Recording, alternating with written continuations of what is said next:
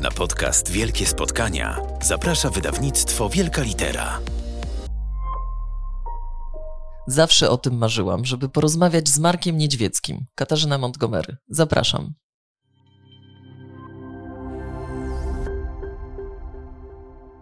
Kiedy przeczytałam pana książkę ostatnią, Dyrdy Marki, to uświadomiłam sobie, że wychowali mnie nie tylko rodzice, ale też pan. I mówię to zupełnie serio, bo nie chodzi tylko o gust muzyczny, ale też e, o to wszystko, o czym pan pisze, czyli zamiłowanie do sortowania śmieci, e, a także to, że dla mnie piwo również mogłoby nie istnieć. I na, nie, nie myślałam, że e, aż taki wpływ może mieć audycja radiowa na człowieka. I ja się zastanawiałam nad tym, czy pan sobie zdawał sprawę z tego, że ma pan takie y, oddziaływanie na, na młodych ludzi, na słuchaczy? Na szczęście nie, bo chyba bym już umarł na, na serce. E, teraz, kiedy ta książka się ukazała, właściwie teraz, kiedy stało się to, co się stało 15 maja, 16, e, dostałem taki, taką niesamowitą falę bardzo pozytywnych energii od ludzi, którzy nigdy wcześniej nie pisali do radia którzy teraz czują potrzebę, żeby mi powiedzieć, że właśnie mm, fantastyczne jest to, że byłem, jestem przyjacielem rodziny na przykład od 38 lat, czyli od 82 roku. I muszę panu napisać, panie Marku, że nie mamy zbyt wielu przyjaciół y, przez 38 lat, czyli pan jest takim stałym y, y, członkiem naszej rodziny i zawsze, zawsze tak było i dlaczego teraz tak ma nie być. I to było cudowne. Jedyne, co się stało cudowne, to było to, że dowiedziałem się od ludzi, co o mnie myślą. Yy, I dowiedziałem się tego wszystkiego, co, co przed chwilą pani powiedziała, dlatego że ja nigdy sobie nie zdawałem sprawy z tego, że nie wiem, że jestem, nie wiem, nauczycielem muzyki dla jednego, czy drugiego, czy trzeciego pokolenia, czy też, no właśnie czegoś takiego, że, znaczy, to jest takie trochę, że robimy to, znaczy ja robię to, co robię i wydaje mi się, że to jest takie trochę bezkarne, a tu się okazuje, że nie, że to jest tak, że robię coś, czyli y, obłaskawiam sobie tych słuchaczy, no to potem oni są, czują się opuszczeni, kiedy mnie nie ma w radiu. To prawda i to jest tak, że jeśli pan y, kogoś lubił, to ja też y, automatycznie lubiłam i podejrzewam, że większość słuchaczy tak miało. Czyli jeśli pan lubił Basię Trzetrzeleską, to ja natychmiast byłam jej fanką. Y, I z sympatii do pana myśmy też jakby zaprzyjaźniali się z pana takimi przyjaciółmi muzycznymi, nie tylko, też z tymi osobami, które pan znał. I, ale ja jeszcze chciałam powiedzieć jeszcze jedną rzecz w ramach prywaty, że ja się dzięki panu nauczyłam angielskiego przynajmniej podstaw, bo y, miałam 13 lat, kiedy zaczęła się lista przebojów trójki i to były takie czasy, kiedy w podstawówkach był rosyjski, a jeśli był jakiś język obcy, to był na tak niskim poziomie, że właściwie na takim, żeby nas nie nauczyć niczego. I pan miał niezwykłą y, zaletę, taką, że mówił pan tytuł po angielsku i potem y, tłumaczył go na polski. Ja muszę to panu pokazać, bo to, jest, to są dwa zeszyty perelowskie, które mam ze sobą, mam 51 lat, mam do dziś.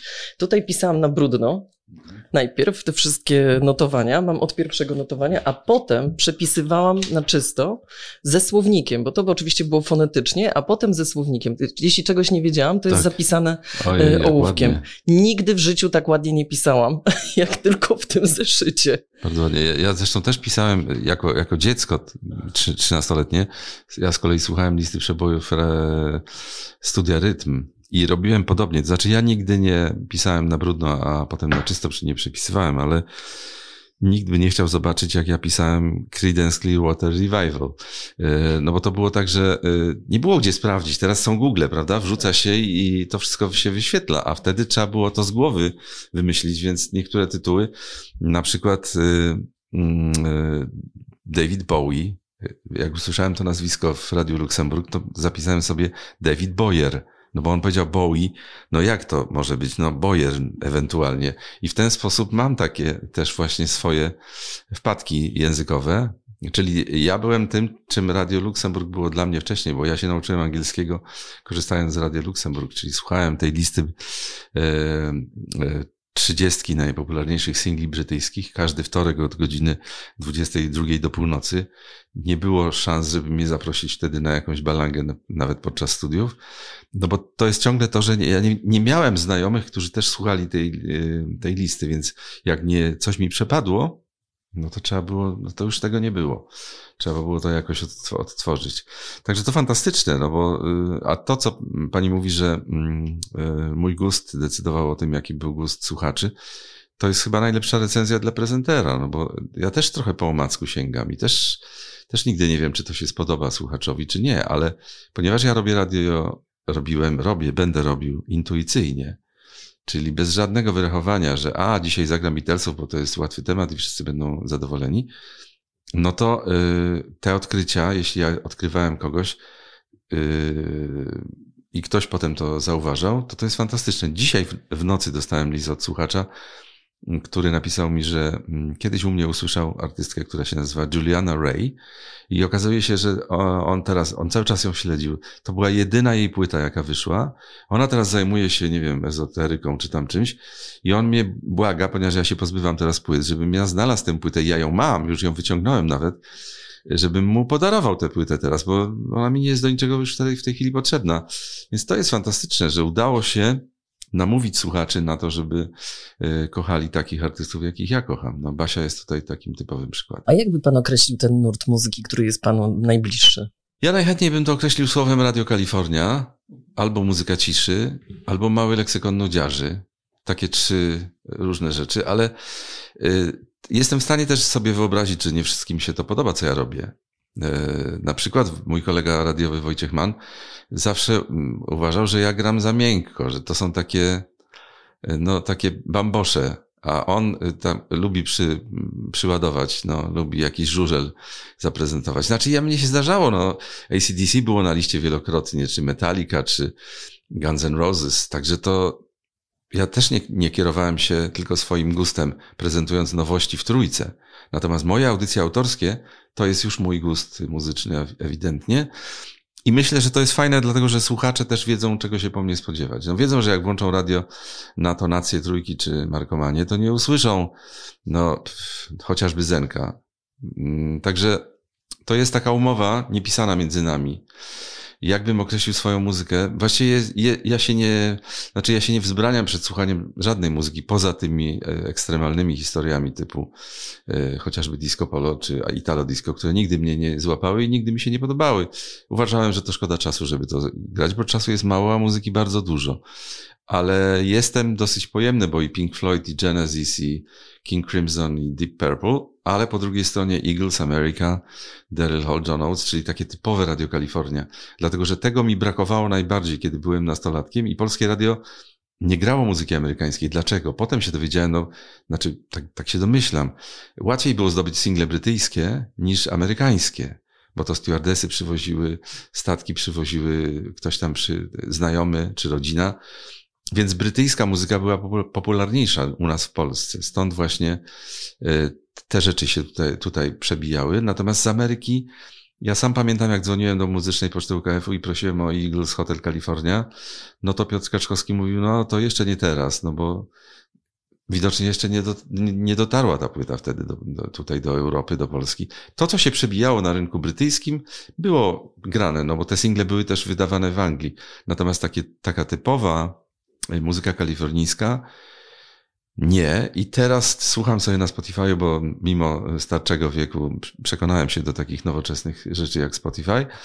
E, słucham sobie mm, takich list, setek roczników Billboardu, e, począwszy od 72 zacząłem, ale też się cofnąłem do 67, czyli całe, całe moje, moje dzieciństwo, młodość i nawet do 91 dotarłem. Dalej już jest słabiej, to są genialne czasy. To były dla mnie najpie... 70 lata, to były najpiękniejsze lata w muzyce. I to jest właściwie kolejna y, taka cezura. Lata 70., moja muzyka. A powiedział pan, y, to mnie zainteresował, że dzwonił pan do muzycznej poczty UKF-u?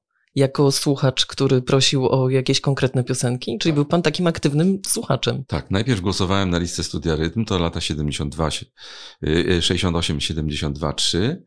A potem jak już odkryłem trójkę, to byłem stałym słuchaczem e, trójki, no i głosowałem. Najłatwiej było mi zadzwonić do muzycznej poczty UKF-u z poczty w Szatku, kiedy odwiedzałem rodziców.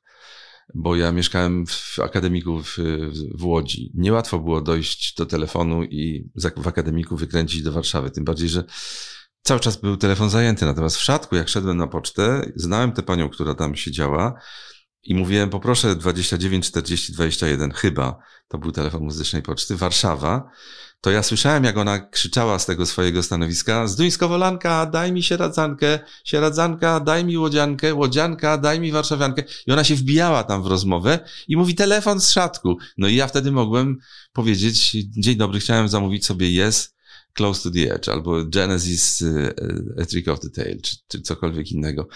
Także to, to teraz brzmi jak opowiadanie, opowieści z, no, sprzed, sprzed tysiąca lat, ale no tak było. Trzeba było iść na pocztę i najłatwiej było zadzwonić właśnie y, y, jako międzymiastową, bo te kobiety jakoś tam się między sobą kontaktowały i łatwo było się wbić w tę wolną dziurkę. Natomiast tak kręcić, to można było kręcić. Muzyczna Poczta UKF-u przyjmowała telefony tylko przez pół godziny, więc to naprawdę było szczęście, prawie jak wygdać w totka, żeby się dodzwonić. A potrafi pan wyczuć przebój po tylu latach, że wie pan, że to na pewno będzie przebój i, i wejdzie na pierwsze miejsce listy nigdy? Nigdy nie miałem takich, takich zdolności. Pamiętam, że y, kiedyś napisałem na jednej z y, okład... Myśmy piosenki w 80 latach przegrywaliśmy piosenki z singli y, na taśmę, 38 metrów na sekundę.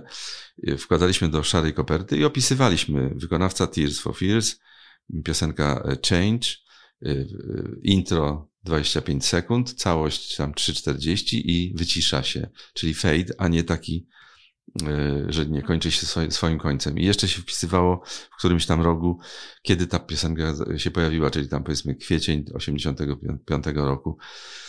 I ja na tej, na tej czarnej, na, na tej szarej kopercie napisałem, niedługo to będzie numer jeden hit. Tak jakoś mi to się wydawało. To chyba doszło do ósmego miejsca albo coś takiego.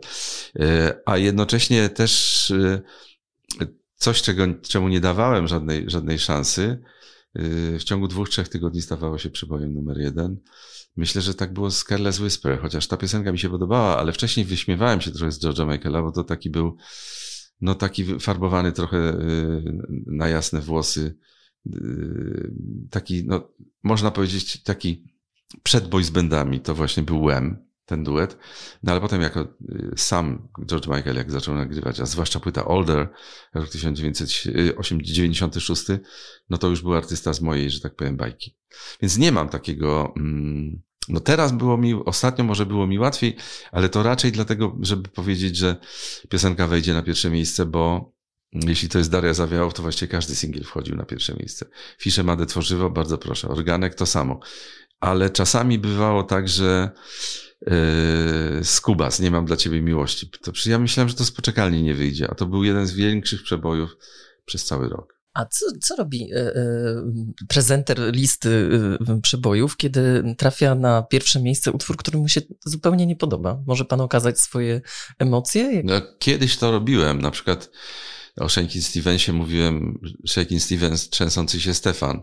No to dostawałem y, oczywiście kartki pan jest brzydszy od niego, proszę się nie wyrażać, bo to świetny wokalista i, i piękny facet. Proszę bardzo. E, poza tym dostawałem takie listy, wtedy jeszcze nie pisane e, mailami, tylko listy kartki pocztowe, że to ty masz tam nie, nie mówić, co ci się podoba, a co nie, tylko masz zapowiadać utwory. Y, ten hejt pojawił się znacznie później, czyli teraz, kiedy są listy emaliowane. Wcześniej go było mniej zdecydowanie. No chyba, że ja się naraziłem i powiedziałem, że, że George Michael to tak, taki troszkę jest budyniowaty. No to natychmiast dostawałem takie listy, że nie wolno mi takich rzeczy robić i potem starałem się już tego nie robić. E, no bo to jest no, nie mogę powiedzieć ludziom, słuchajcie tylko tej muzyki, bo to jest dobra, bo skąd ja mogę też to wiedzieć? A poza tym, kto mi dał prawo mówić, że to jest ok, a to jest, to jest niedobre?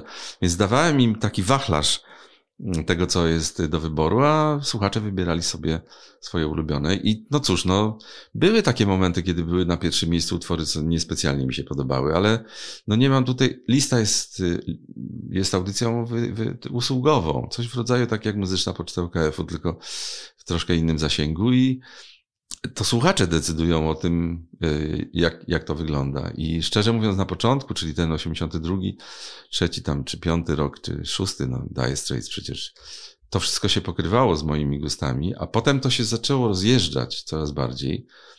E, zawsze mówiłem, że lista jest tak mocna, jak mocny jest polski rok. I tak było. Czy to na początku 80. lat, kiedy wybuchła ta, y, wybuchła muzyka młodej generacji, ciut wcześniej, koniec lat 70., ten polski rok, 82, Manam, Perfect, Republika, Lady Punk, no przecież to było coś niewiarygodnego, jak to wszystko szybko poszło. Potem było takie, zapad, takie troszeczkę zapadło się, to Wilki były jedynym zespołem polskim. Pamiętam, była taka lista, kiedy najwyżej notowana polska piosenka była na 17 miejscu. No a potem teraz te ostatnie lata to znowu był y, fantastyczny czas dla polskiej muzyki, troszkę innej, taką na poły rockowo-popowej, ale też cały czas rock and roll, bo przecież i WW y, notowali fantastyczne utwory w ostatnich latach. No i pojawili się ci wszyscy młodzi, którzy wydawało się, że no, znaczy ja się bałem, że, że im się nie uda, a jednak młodość jest fantastyczna i im się udaje zawsze. No miłość do muzyki też sprawiła, że mógł się pan spotkać z wieloma muzykami, z takimi też e, swoimi, e, no nie wiem, może nadużyję tego słowa, ale ideami też. E, I mnie bardzo ujęło to, co takie zdanie, które pan tu cytuje w książce, że kiedy panu zaproponowano wywiad z Madonną, to początkowo pan był na nie, a potem powiedział pan, ja jednak bym się na tę Madonnę zdecydował. tak, bo to było coś takiego, że Madonna do tej pory też ją traktowałem jako taki wynalazek amerykański. Te pierwsze utwory, pierwsze płyty, właściwie Like a Prayer to był pierwszy utwór, który mnie przekonał naprawdę do Madonny. No podobały mi się te ballady, które śpiewała i te, te fajne piosenki popowe, La Isla Bonita, co, co to tłumaczyłem Stanisław Bonita. Yy, ponieważ zawsze lubiłem się bawić językiem. Dostawało mi się czasami za to, ale czasami było to fajne i ludzie to, też to chwytali. Natomiast ten 94 rok, Madonna wydawała płytę e, Bedtime Stories. E, pojawił się singiel Secret, który już graliśmy wcześniej i ten Secret był świetnym utworem. Zwłaszcza wersja albumowa, bo na singlu była wyciszona singlowa, ale zaraz dalej była albumowa, która była długa i miała swój koniec. Nie lubię utworów, które się nagle wyciszają i nie da się z tym nic zrobić. Ja lubię tak, żeby to jedno zachodziło na drugie, czyli żeby ten utwór każdy miał swój koniec. Więc po tym Secret pomyślałem, że to może być fajna ta płyta Bedtime Stories. A to, że zadzwonił do mnie Janek Chojnacki, który był wtedy szefem Warnera i powiedział, słuchaj, jest możliwość pojechania do Paryża, polecenia do Paryża i zrobienia wywiadu. I ja mu powiedziałem, wiesz co, Janek, no fajnie, tylko to Madonna to może nie moja bajka. No i odłożyłem słuchawkę i pomyślałem, chyba jestem psychicznie chory, no jak to Madonna, Paryż, Ritz, yy... czemu nie? No i pojechałem. I to było bardzo miłe spotkanie. To było fantastyczne przeżycie, dlatego że to jest, to była wtedy artystka no, absolutnie topowa. 94 rok, ona już od 82, 3 była przecież artystką znaną. Sprzedawała miliony płyt. No i nagle ja będę miał możliwość przez y, pół godziny z nią porozmawiać. Zdarzyło się to właśnie w hotelu Ritz. E, pamiętam na Sacré-Cœur siedziałem i czytałem takie, y, od, od Warnera dostałem takie to też były czasy przedinternetowe, też nie dało się wejść. Pewnie już był internet, ale nie dało się wejść i znaleźć wszystkiego na ten temat, więc musiałem dostać takie, takie kartki, jakie właśnie tutaj widzę, yy, takie dosie na temat i płyty, i Madonny. Czytałem sobie przy tym Sacré-Cœur i myślałem, kurczę, no fajnie, zaraz tam idę i się z nią spotkam. Byłem godzinę wcześniej przed spotkaniem, mogłem posłuchać płyty, to był wrzesień, a płyta wychodziła w październiku. Więc mogłem na słuchawkach posłuchać tej płyty, żeby wiedzieć, o, o, czym rozmawiamy. No i potem wszedłem i zacząłem z nią rozmawiać. Znaczy, było nas kilka osób przy stole, bo to tak się odbywało. I pamiętam, że przede wszystkim zrobiła na mnie wrażenie tym, jak była ubrana i jak wyglądała, jaką miała minę. Była pięknie ubrana, nie miała kolczyka w nosie, który miała na okładce tej płyty, czyli to była stylizacja. E, była uśmiechnięta, wypoczęta, chętna do rozmowy, właściwie odpowiadała na wszystkie pytania tak no z bioderka, że tak powiem. I to tym mnie ujęła. I pomyślałem sobie, że to jest coś takiego, bo potem jeszcze i wcześniej też spotkałem wielu artystów z tej pierwszej półki, najwyższej. Ci artyści są profesjonalni po prostu. Jeżeli oni przyjeżdżają na rozmowy z dziennikarzami, no to nie mogą ukradkiem ziewać, tylko są otwarci i chcą wykonać swoją robotę. I to jest to, tak samo było z Philem Collinsem, tak samo było z Lionelem Richiem, tak samo było z Vanessa Williams, no już nie mówię o Basi. E, ale też mam nieudane rozmowy, jak chociażby z Brianem Adamsem, nasza polska specjalność. Brian Adams przyjeżdża na koncert, telewizja życzy sobie, żeby był wywiad. On nigdy nie udziela wywiadu na całym świecie, nigdzie, kiedy przyjeżdża na koncert. No ale on jest u nas tak rzadko, że trzeba to wykorzystać. No ja się zdecydowałem na to i to był niedobry wywiad, bo on był niechętny. Y, to jest takie łapanie gdzieś, tak jak z Alem Żaro chciałem zrobić do wzrokowej listy przebojów, minutkę taką i powiedzieli, no to pan przyjdzie, tam pan postoi, on będzie szedł z obiadu na próbę, to wtedy macie 15 minut. No i on trochę dłużej mu zajął ten obiad, trochę wcześniej była próba i tylko nam pomachał i poszedł. No i tyle mieliśmy tego Ala Żaro. Więc to jest tak, że yy, wtedy jeszcze jeździłem na takie rozmowy. 90. lata, połowa lat 90. to jest jednak 25 lat temu. Teraz bym się nie odważył, bo no, mam 66 lat. Niech to robią młodzi 30-latkowie, którzy będą, którym będzie się trzęsła noga pod, pod stołem, tak jak mnie się trzęsła kiedyś, którzy będą mieli czerwoną twarz z, z, z ekscytacji. Bo ja to już nie, no, jak miałem możliwość zrobienia wywiad, wywiadu z Davidem Bowiem, to oddałem go koledze, bo wybierałem się do Szklarskiej Poręby. Ja nie mam czegoś takiego w sobie, nie jestem takim zwierzęciem do wywiadów. Nie musiałem zrobić, nie, nie, nie chciałem zaliczyć wszystkich tych możliwych wywiadów. Raczej jak mi się coś zdarzyło, i to już mówiłem wielokrotnie, zupełnie inaczej jest, jeżeli przyjeżdża artysta do Polski i przychodzi do mnie, do radia. To ja jestem gospodarzem, on o tym wie. I jest zupełnie inna relacja. I czy jest to Pat Metheny, czy jest to Basia wspomniana, chociaż z Basią inaczej, czy Susan Vega, czy Beth Hart, czy Melody Gardot, czy no ktokolwiek, kto był w studiu Agnieszki Osieckiej i mogłem z nim porozmawiać, to to jest zupełnie inna para kaloszy. Wtedy można. Natomiast tak jak ja bym miał teraz jechać na koniec świata i rozmawiać e, z Billie Eilish, czy na przykład z Vicky Gabor, która ma 13 lat, to mogła być moją tą wnuczką. Ale właśnie poznałem ją parę dni temu w programie Kuby Wojewódzkiego i to była jedyna pozytywna rzecz, o której mogę powiedzieć od w tym programie. Bardzo fajna dziewczyna, mądrze myśli, 13 lata już jest mocno taka osadzona na ziemi. Proszę mi powiedzieć, nie, nie chcę wszystkiego palić z tej książki, ale e, e, to, co mnie ujęło, że wtedy, kiedy pan jechał na te wywiady z zagranicznymi muzykami, no to oni nie do końca wiedzieli właśnie to, o czym pan mówi, kim pan jest, jaką pan jest postacią. I czasami pan się wkupywał w ich łaski e, fortelami. Znaczy tak naprawdę to się wkupiłem tylko u Lionela, bo do Madonny, Madonnie zabrałem i to w ostatniej chwili, bo to na lotnisku kupiony na Okęciu, wódkę Chopin, bo pomyślałem, co ja jej mogę zabrać? No nic jej z Polski nie zabiorę. Ktoś mówi, to mogę ściupagę zabrać. No świetny pomysł, prawda? Zabiorę jej e, wódkę Chopin, bo się kojarzy, bo akurat ta wódka wyszła, piękna butelka, no więc ta wódka. Natomiast to Państwo doczytają w książce ewentualnie, co się dalej zdarzyło z tą wódką. Natomiast z Lionelem było tak, że dwa lata później jechałem i zabrałem mu żubrówkę i zapytałem, czy mogę mu tę żubrówkę dać przed wywiadem, bo to był wywiad telewizyjny. On powiedział, oczywiście, bardzo chętnie, nie ma problemu. Ale ciąg dalszy zdarzył się dopiero za dwa lata, dlatego że dwa lata później wychodziła następna jego płyta. Zresztą Louder Than Words ta płyta, przy okazji której miałem możliwość z nim porozmawiać, to jest jedna z moich płyt wszechczasów, o tym też piszę w tej książce. Ale dwa lata później ukazywała się płyta Time, nie było już y, możliwości robienia wywiadu na żywo.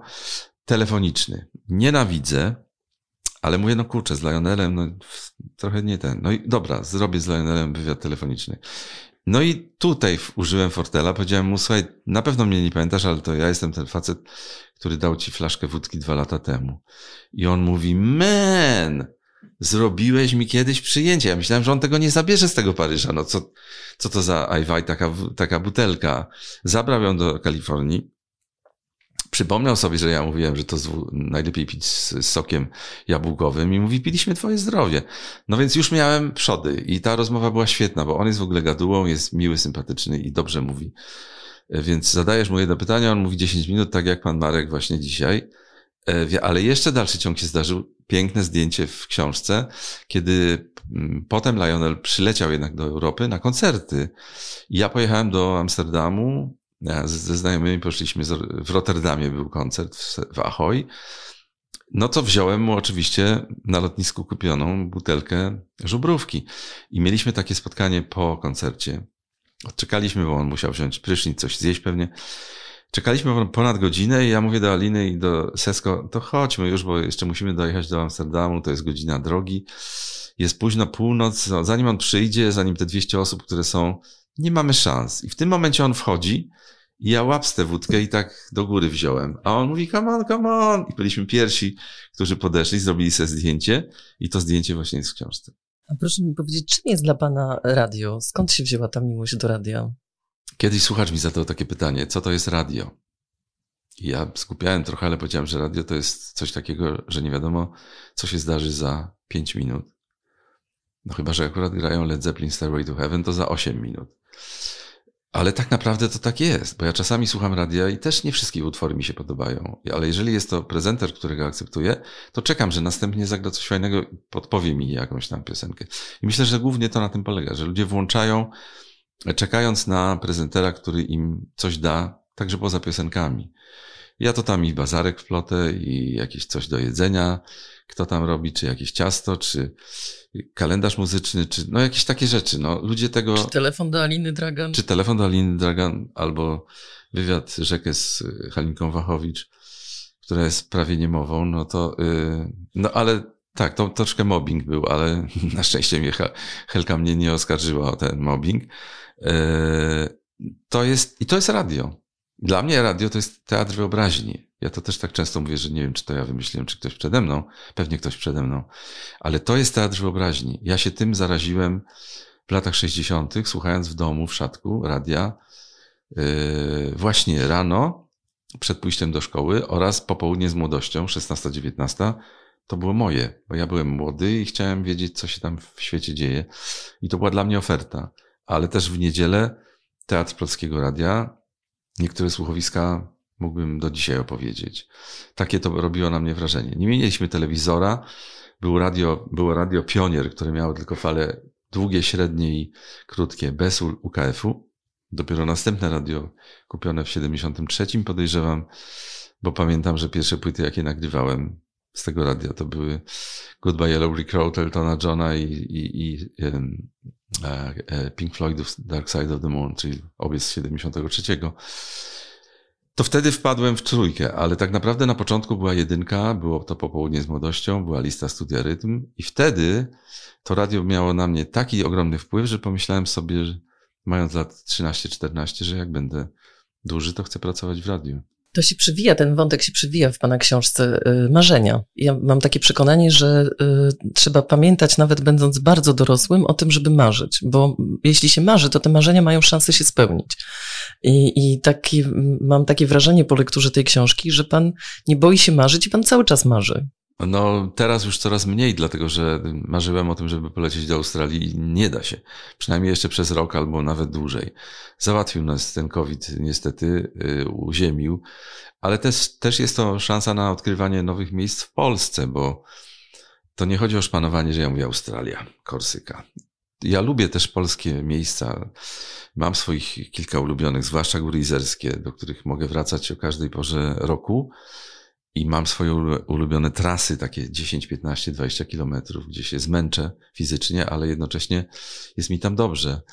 Więc tak, no trzeba marzyć, bo ja sobie to marzenie, nikt tego nie wiedział. Może na tym polegają marzenia. Ja nie mówiłem w domu, że ja będę panem Markiem z radia. Nikt z moich znajomych też nie wiedział.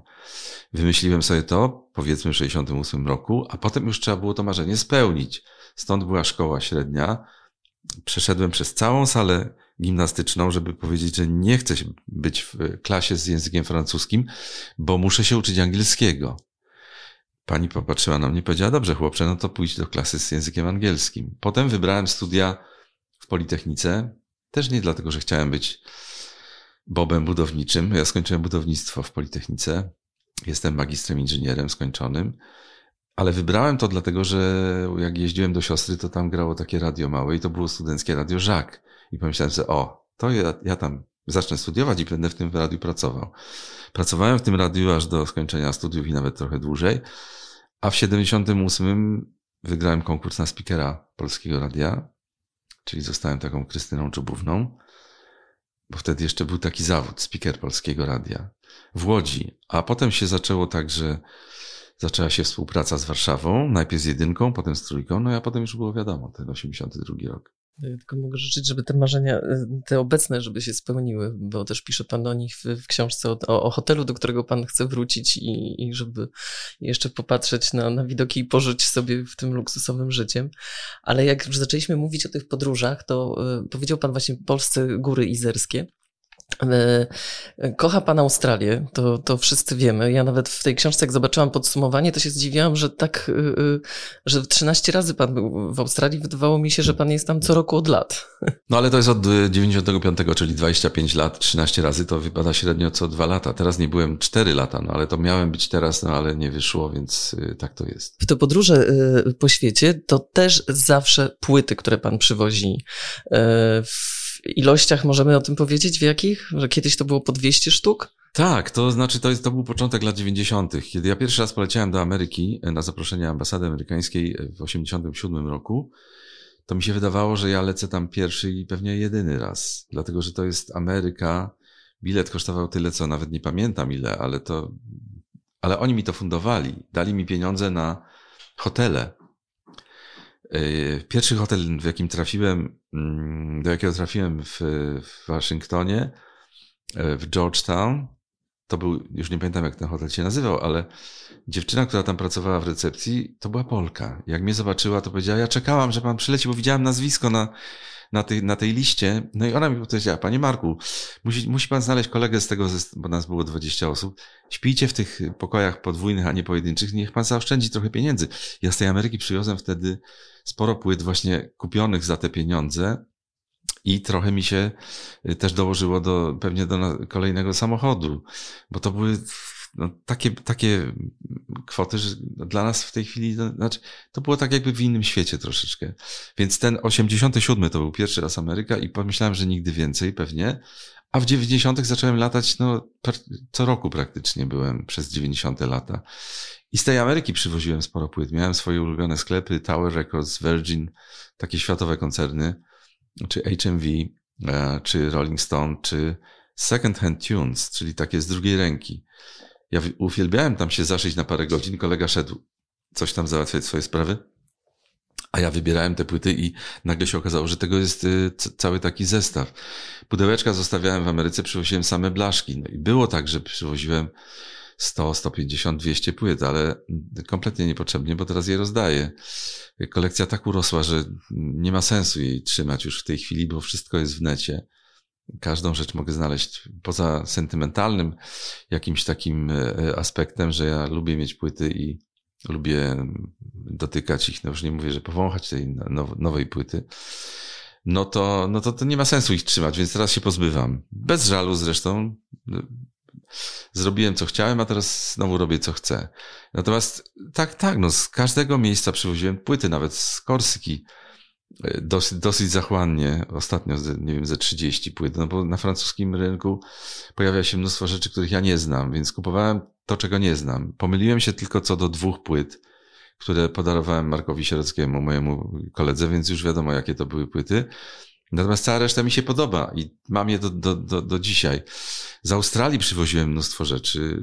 Słuchacze czasami pisali, to fantastycznie, że pan lata po świecie i przywozi nam takie rzeczy, których których byśmy tutaj nie mieli. Ja pamiętam, że przywiozłem płytę Gautier, Somebody That I Used To Know, tak mniej więcej z pół roku przed tym, zanim to zostało przebojem. I to było kilkanaście tygodni na pierwszym miejscu w Trójce.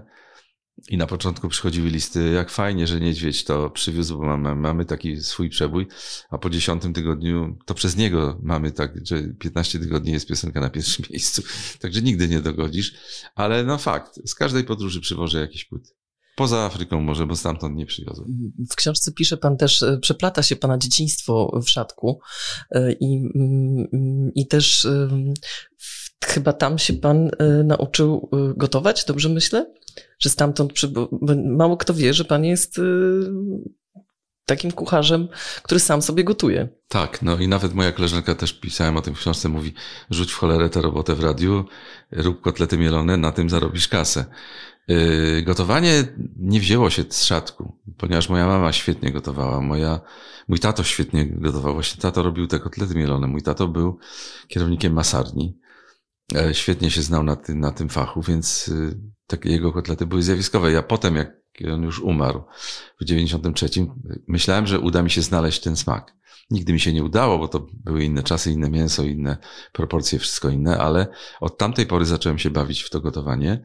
Ponieważ gotuję dla siebie, no to jak mi nawet nie wyjdzie, no to albo zjem, bo jest smaczne, albo nie zjem, bo jest niesmaczne ale nie dla kogoś. Nie mam także zapraszam gości. Kotlety są moim popisowym daniem, więc czasami mam takie wyjazdowe sesje i w Sydney gotowałem kotlety i w Chicago i w Górach Izerskich, e, czy u znajomych mówię tylko jakie składniki i te kotlety rzeczywiście e, cieszą się powodzeniem, ale ja sobie lubię eksperymentować.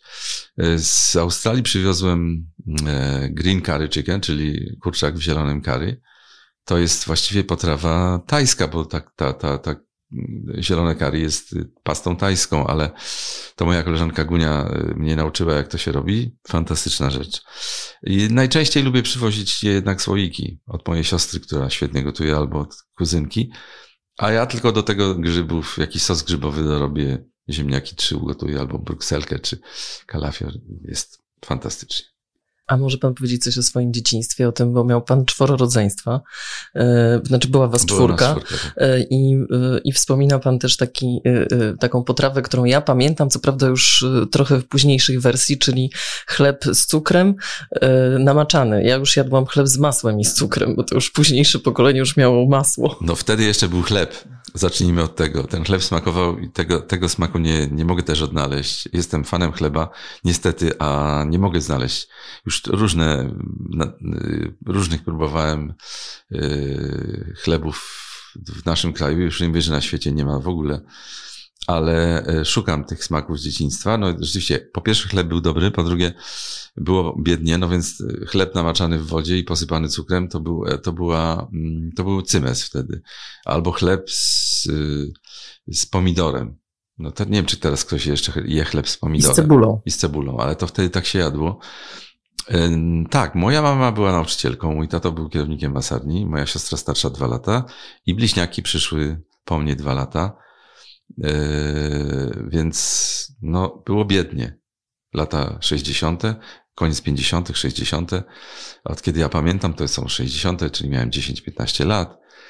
Yy, nie było tak, że nie było co zjeść, ale no było tak, że jak się rozkrawało pomarańcze w okolicach Bożego Narodzenia, to nie każdy dostawał jedną, tylko każdy dostawał po cząstce czy jak była czekolada, to też nie każdy dostawał tabliczkę. I do dzisiaj pamiętam, jak kiedyś wujek z Łodzi przyjechał i w szarej kopercie takiej, y, nie, nie kopercie, tytce takiej ze sklepu przywiózł czekolady, takie po 36 zł z orzechami laskowymi i dał nam każdemu do tej, każdy sięgał do tej tytki i brał jedną tabliczkę czekolady. To ja do dzisiaj to pamiętam. Więc potem jak byłem wujkiem takim, ten, to też przywoziłem dzieciom takie, nie wiem czy oni to pamiętają czy nie, ale, ale to było przeżycie niesamowite, że ja dostałem całą tabliczkę czekolady, którą będę mógł zjeść, kiedy będę chciał. No, albo jak już nam się znudziły wędliny od taty, to przeżyciem dużym było kupienie jakichś rybek w tym, w puszce i zamiast tej, tej, tej rybkę, rybki się jadło. To też rozsmarowywało się na chlebie, żeby jak najwięcej wystarczyło. No, takie były czasy, ale były piękne czasy. Ja nie żałuję. Znaczy nic, y, wszystko było fantastyczne w moim dzieciństwie i w mojej młodości. Wiem, czasy polityczne były okropne, straszne. Miałem takie takie przekonanie, że to się nigdy nie, nawet za mojego życia nie zmieni, że zawsze będzie tak, jak było wtedy. No jak widać, zmieniło się. Najpierw na lepsze, potem na gorsze, no ale to tak pewnie w życiu jest. Tego się nikt nie spodziewał. A rodzina była z pana dumna, jak już pan został tym panem Markiem od radia? No tak, oczywiście mama, mama bardziej podsłuchiwała, chociaż tato też i byli dumni. Potem jeszcze przecież y, trafiłem też do telewizji, więc byli dumni ze mnie, chociaż tak naprawdę no nigdy nie byli przekonani, że to jest mój dobry wybór no bo co, dziecko, no tu musisz wziąć się za jakąś robotę i żeby ci to dało chleb i yy, kiedyś pamiętam, właśnie napisałem w książce, jak tato mi powiedział, nie słuchaj tego radia, to ci nie da chleba.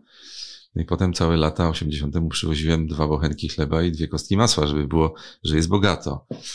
Yy, ale byli dumni, tak, no oczywiście, że byli dumni. Bardzo, cała rodzina też. A poza tym też zyskał pan, bo wspomniał pan tą wzrokową listę przebojów i to chyba e, był taki moment, kiedy pan zyskał popularność, stał się pan rozpoznawalną osobą i to oczywiście są bardzo miłe momenty, ale też e, chyba takie, które nie do końca mm, jakby pasowały pana usposobieniu. Takie miałam wrażenie, czytając tę książkę. Bo ja nigdy nie marzyłem o pracy w telewizji. To telewizja wybiera ludzi sobie sama. Jeżeli ktoś jest y, panem Markiem z radia, to fajnie go zaprosić, może powie coś w telewizji. Poza tym festiwal w Sopocie, 85 rok. Ja robiłem 3 lata już listę i nagle się zdarzyła okazja, żeby to zrobić. Nie, nie miałem na to ochoty, ale miałem ochotę na spotkanie z artystami, bo wiedziałem, że jak będę prowadził, będę bliżej nie wszyscy dziennikarze mogli wziąć e, magnetofon i nagrać wywiad z Claire Hamill, czy z Daną Gillespie, czy z Merą Getz, czy z Kim Wilde. No potem jeszcze inni w 99 zapowiadałem koncerty i Lionela Richiego i Whitney Houston w Sopocie. Więc to było, to było takim, e, takim e, magnesem, który mnie tam przyciągał, że, że będę mógł zrobić wywiad z artystą, z Beverly Craven, natomiast no, to się z tym wiąże niestety pokazanie się w telewizji i myślę, że ten pierwszy raz jak wyszedłem w 85 roku, to wszyscy patrzyli i mówili, to to on tak wygląda? Taki strasznie chudy i ma ogromne okulary. Christiana Diora takie miałem. Takie telewizorki na, na, na twarzy. No ale coś za coś, tak jak mówię, no trzeba było ten. Natomiast wzrokowa zdarzyła się też przypadkiem w 87 roku bodajże, bo wtedy wyjeżdżałem do Stanów i prowadziłem taki magazyn 102 się nazywał. Nina Terentiew była szefową. To był codzienny magazyn 18.30 do 19, gdzie coś w rodzaju takiego pytania na śniadanie, czyli gość plus muzyka pomiędzy. I ja byłem ten muzyka pomiędzy razem z Markiem Wiernikiem i z Krzysiem Szewczykiem.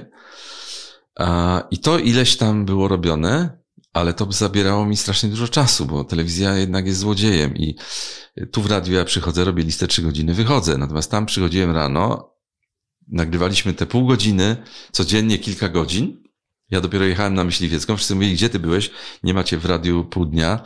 Więc jak wyjeżdżałem do Stanów, to powiedziałem do, y, do Niny, jeśli będziemy mogli to robić na żywo, to ja zostanę. Jak nie, to ja po powrocie już nie chcę wrócić. I nie wróciłem. To nie potrwało długo i rozpadło się i, mm, i Jola Fajkowska i Piotr Radziszewski, którzy dostali piątek do zrobienia w popołudniowym dwójce, powiedzieli, słuchaj, mamy takie pół godziny, możesz tam robić na żywo sobie jakąś ten. No i stąd była pomysł na wzrokową listę przebojów. Wtedy miał sens, bo zdobywaliśmy te klipy z, z różnych stacji z, z talerza, których ludzie nie mieli w domu jeszcze wtedy. Więc można było pokazać właśnie ty, tych artystów e, wtedy. Natomiast potem, e, ja to robiłem chyba z 10 lat i powiedziałem do Niny, wiesz co, to już naprawdę zwolnij mnie z tego obowiązku, bo już jest MTV, wszyscy mają już, nie ma to sensu. No i jeszcze to trochę trwało i wreszcie szczęśliwie się zakończyło. No, ale to te, telewizja daje popularność twarzy, tak, to fakt. No, y, ja nie mam z tym problemu takiego, że ktoś mi, nie wiem, jest nieżyczliwy. Zwykle ludzie ewentualnie mówią, dzień dobry panie Marku, no to to jest miłe. Ale też y, y, wspomina pan y, spotkanie gdzieś na górskim szlaku, kiedy pani zeszła ze złamaną ręką i powiedziała, mimo złamanej ręki poznałam pana. A kolega powiedział, że miałem na tej trasie 100% rozpo, rozpoznawalności, bo tylko ona szła. Ale też pojawiały się takie, do tego, żeby e, zachęcić tych, którzy jeszcze nie sięgnęli po tę książkę, pojawiały się takie listy, wysyłam ci paczkę, żebym miała bieliznę na zmianę, jak przyjadę. I okulary, których nie mogę naprawić, a czekolada i kawa są dla ciebie łasuchu. Tak, to pani Zenobia myślę, że nie zdradzam tu żadnej tajemnicy, z Gdańska. Miałem takich, miewałem takie, takie fanki, rzeczywiście to zdarzało się. Yy, moja asertywność, właściwie już taka przysłowiowa, kompletnie beznadziejna, powodowała to, że ja nie, to, że brnąłem w, te, w tę znajomość, tylko że nie umiałem powiedzieć, tak jak to, to, co już teraz umiem powiedzieć, jak przychodzi do mnie pani i mówi, to jest list napisany do pana premiera, ale chciałem panu pokazać, ja powiedziałem, wie pani co, takie rzeczy się leczy, dziękuję pani, do widzenia. No bo, no, co ja mogę? No ja naprawdę nie jestem psychologiem, nie mogę nic zrobić. Wiem, głos jest taki, to, co właśnie też mówiłem i pewnie w książce być może to, to jest, też jest, że jak ja, że nie wolno się zbliżać na intymną odległość ze słuchaczem. Ja popełniłem ten błąd, czytając wiersze Haliny Poświatowskiej, no ale jak ja czytałem wieczór cykający, tykający zegarek, piękna muzyka i ja mówiłem, kocham cię, kocham cię. No to ktoś mówił, Boże, on mnie kocha. No i przychodził telegram, czekam, czekam na ciebie na dworcu o 23.15 przyjeżdżam do Warszawy. No to takich rzeczy nie wolno robić, ale też yy, ponieważ radio jest teatrem wyobraźni, to uwielbiałem takie rzeczy robić, żeby słuchaczy, znaczy łapać na tę wędkę. I nie wiem, a to pisałem jakiś list podczas audycji do, do, do, do kogoś i to było słychać, że ja piszę bawiło mnie to, że właśnie z takich rzeczy błędnych, typ, błędów takich radiowych, typu, nie wiem, że wpadałem zdyszany, albo że mm, otwierałem butelkę wody i to było słychać, albo że pisałem na tym stole, teraz stukam, prawda? To nie wolno tego robić, ale z tego ja robiłem pomysł na audycję i to zwykle się sprawdzało. Bo to jest fantastyczne mieć taki, taką możliwość, żeby grać w takim teatrze. Beata Kawka, aktorka, Pozdrawiamy bardzo serdecznie przy okazji. Właśnie powiedziała mi ostatnio, jak powiedziałem jej o tej poświatowskiej, mówi, to ty taki monodram robiłeś właściwie, bo, no bo to było tak, że ja robiłem całe warunki, tak jakbym był w teatrze. Tutaj ten zegar, to wszystko. Ja dobierałem te wiersze, yy, nie miałem całego scenariusza wcześniej. Ja dobierałem je i pod muzykę, i pod nastrój. No to to jest duże wyzwanie. Wychodziłem o drugiej zwykle na nogach z waty, bo to jest duże wyzwanie zrobić taką trzygodzinną audycję, żeby to się udało. No ale było, poszło. Na szczęście nie ma tego nigdzie poza mną. Ja mam taki, ktoś mi przysłał z Nowego Jorku e, na dyskach przegrane te audycje. Nie odważyłem się ich nigdy posłuchać, bo radio nie robiło wtedy archiwum i w związku z tym ani jedna lista przebojów programu trzeciego nie jest zarchiwizowana. Nie ma takiego czegoś. Oprócz u mnie na Grundigu. Tak, oprócz u mnie na Grundigu i u wielu innych y, fanów, którzy mają to potem już na komputerkach zwykle. No jednak ludzie teraz z nowoczesności zapisują sobie to na komputerze. Mówił Pan o sposobach y, y, takich nieradiowych, które Pan wykorzystywał do tego, żeby nawiązać kontakt ze słuchaczami, żeby ich wciągnąć w to słuchanie, ale miał Pan też sposoby na cenzurę. I wtedy, kiedy na przykład pojawił się zakaz y, grania kory, to pan to potrafił obejść. A to, to wszystko jest, w moim życiu wszystko się dzieje przypadkiem. Bo ja wierzę w przypadki. I to, to też przypadek, bo no, nagle jest, masz, mam trzy piosenki na, na, na pierwszej czterdziestce e, w wykonaniu Manamu i dostaję telefon, nie gramy Manamu, bo nie chcieli wystąpić dla e, jakiejś delegacji radzieckiej w sali kongresowej. No i to ja mówię, no ale jak to nie gramy Manamu? Ja mam trzy piosenki na się. Nie, nie gramy Manamu. No to pomysłowy Dobromir, mówię, wytnę y, te werbles, to tylko tango i, za, i to, to będę zamiast tego manamu. Przecież oni nie wiedzą, że to jest manam. Oni, tamci, nie wiedzą, że to jest manam, a ja będę, że tak powiem, dam sygnał słuchaczowi, że coś się dzieje. I ludzie to fantastycznie wyłapywali. E, ja nie sądziłem, że to w ogóle będzie miało jakiekolwiek znaczenie, a potem po latach dowiedziałem się dopiero, jakie to miało znaczenie dla kory. E, i dla zespołu, że ja po prostu tak to potraktowałem, a nie wywaliłem te piosenki z listy przebojów. A mogłem oszukać i wtedy byłaby prawda, że oszukiwałem na liście. Teraz już nie ma sposobu na to, żeby obejść jakieś zakazy. No właśnie ten Kazik, y, który stał się gwoździem, ja nie sądziłem, że to się stanie. Przecież ja nie zrobiłem, to nie było takie, a okej, okay, zagram Kazika, może mnie zwolnią. No przecież to bzdura, nie? To, to po prostu strach u innych ludzi spowodował, że tak się potoczyły sprawy, a nie inaczej. Nigdy nie cenzurowaliśmy, nigdy. E, Kazik jak śpiewał Łyzy jedzie do Moskwy, czy Wałęsa oddaj 100 milionów, czy Andrzej Gołota, Gołota, Gołota, czy coście zrobili z tą krainą, e, no to wszyscy traktowali, że to jest piosenka, artystyczny wyraz e, człowieka, który chciał to napisać i zaśpiewać. Natomiast tutaj się stało inaczej. No i dobrze, nie, od, od, odcięliśmy i no i jesteśmy w innym czasie. A jak to jest, kiedy się już nic nie musi i robi się tylko to, co się chce? Fantastycznie. Właściwie ktoś mi powiedział, że powinienem tej osobie, która mi podpowiedziała, żeby przejść na emeryturę, bo ja przeszedłem dosłownie w, tuż po skończeniu 65 lat, w ciągu 3 czy 4 dni to wszystko załatwiłem i od marca zeszłego roku jestem na emeryturze, czyli ponad rok, teraz już półtora. To moja koleżanka mi podpowiedziała, sklepik Walędzik zresztą. Powiedziała, przejdź, bo to naprawdę ci będzie...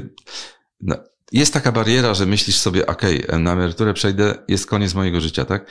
A ja przeszedłem i czuję się świetnie i to był naprawdę dobry ruch, dlatego że teraz bym jeszcze bardziej cierpiał, że zostałem, nie wiem, zwolniony, wyrzucony. A tak to napisałem maila i podziękowałem za współpracę, bo, no bo ja już nic nie muszę. To jest bardzo dobry, to, to jest bardzo fajna sprawa, że nic się nie musi. No gorzej trochę z fizycznością, bo tu szczyka, tam coś boli, tam coś nie ten, ale no jeszcze udaję, że wszystko jest ok. Robię te 13 do 15 tysięcy kroków dziennie. Myślę, że to pomaga mi zrzucić parę kilogramów, a poza tym trzymać się w takiej no, niezłej formie, ale nic nie muszenie jest bardzo fajne. Bardzo, bardzo, bardzo fajne. Wszyscy zadają panu to pytanie.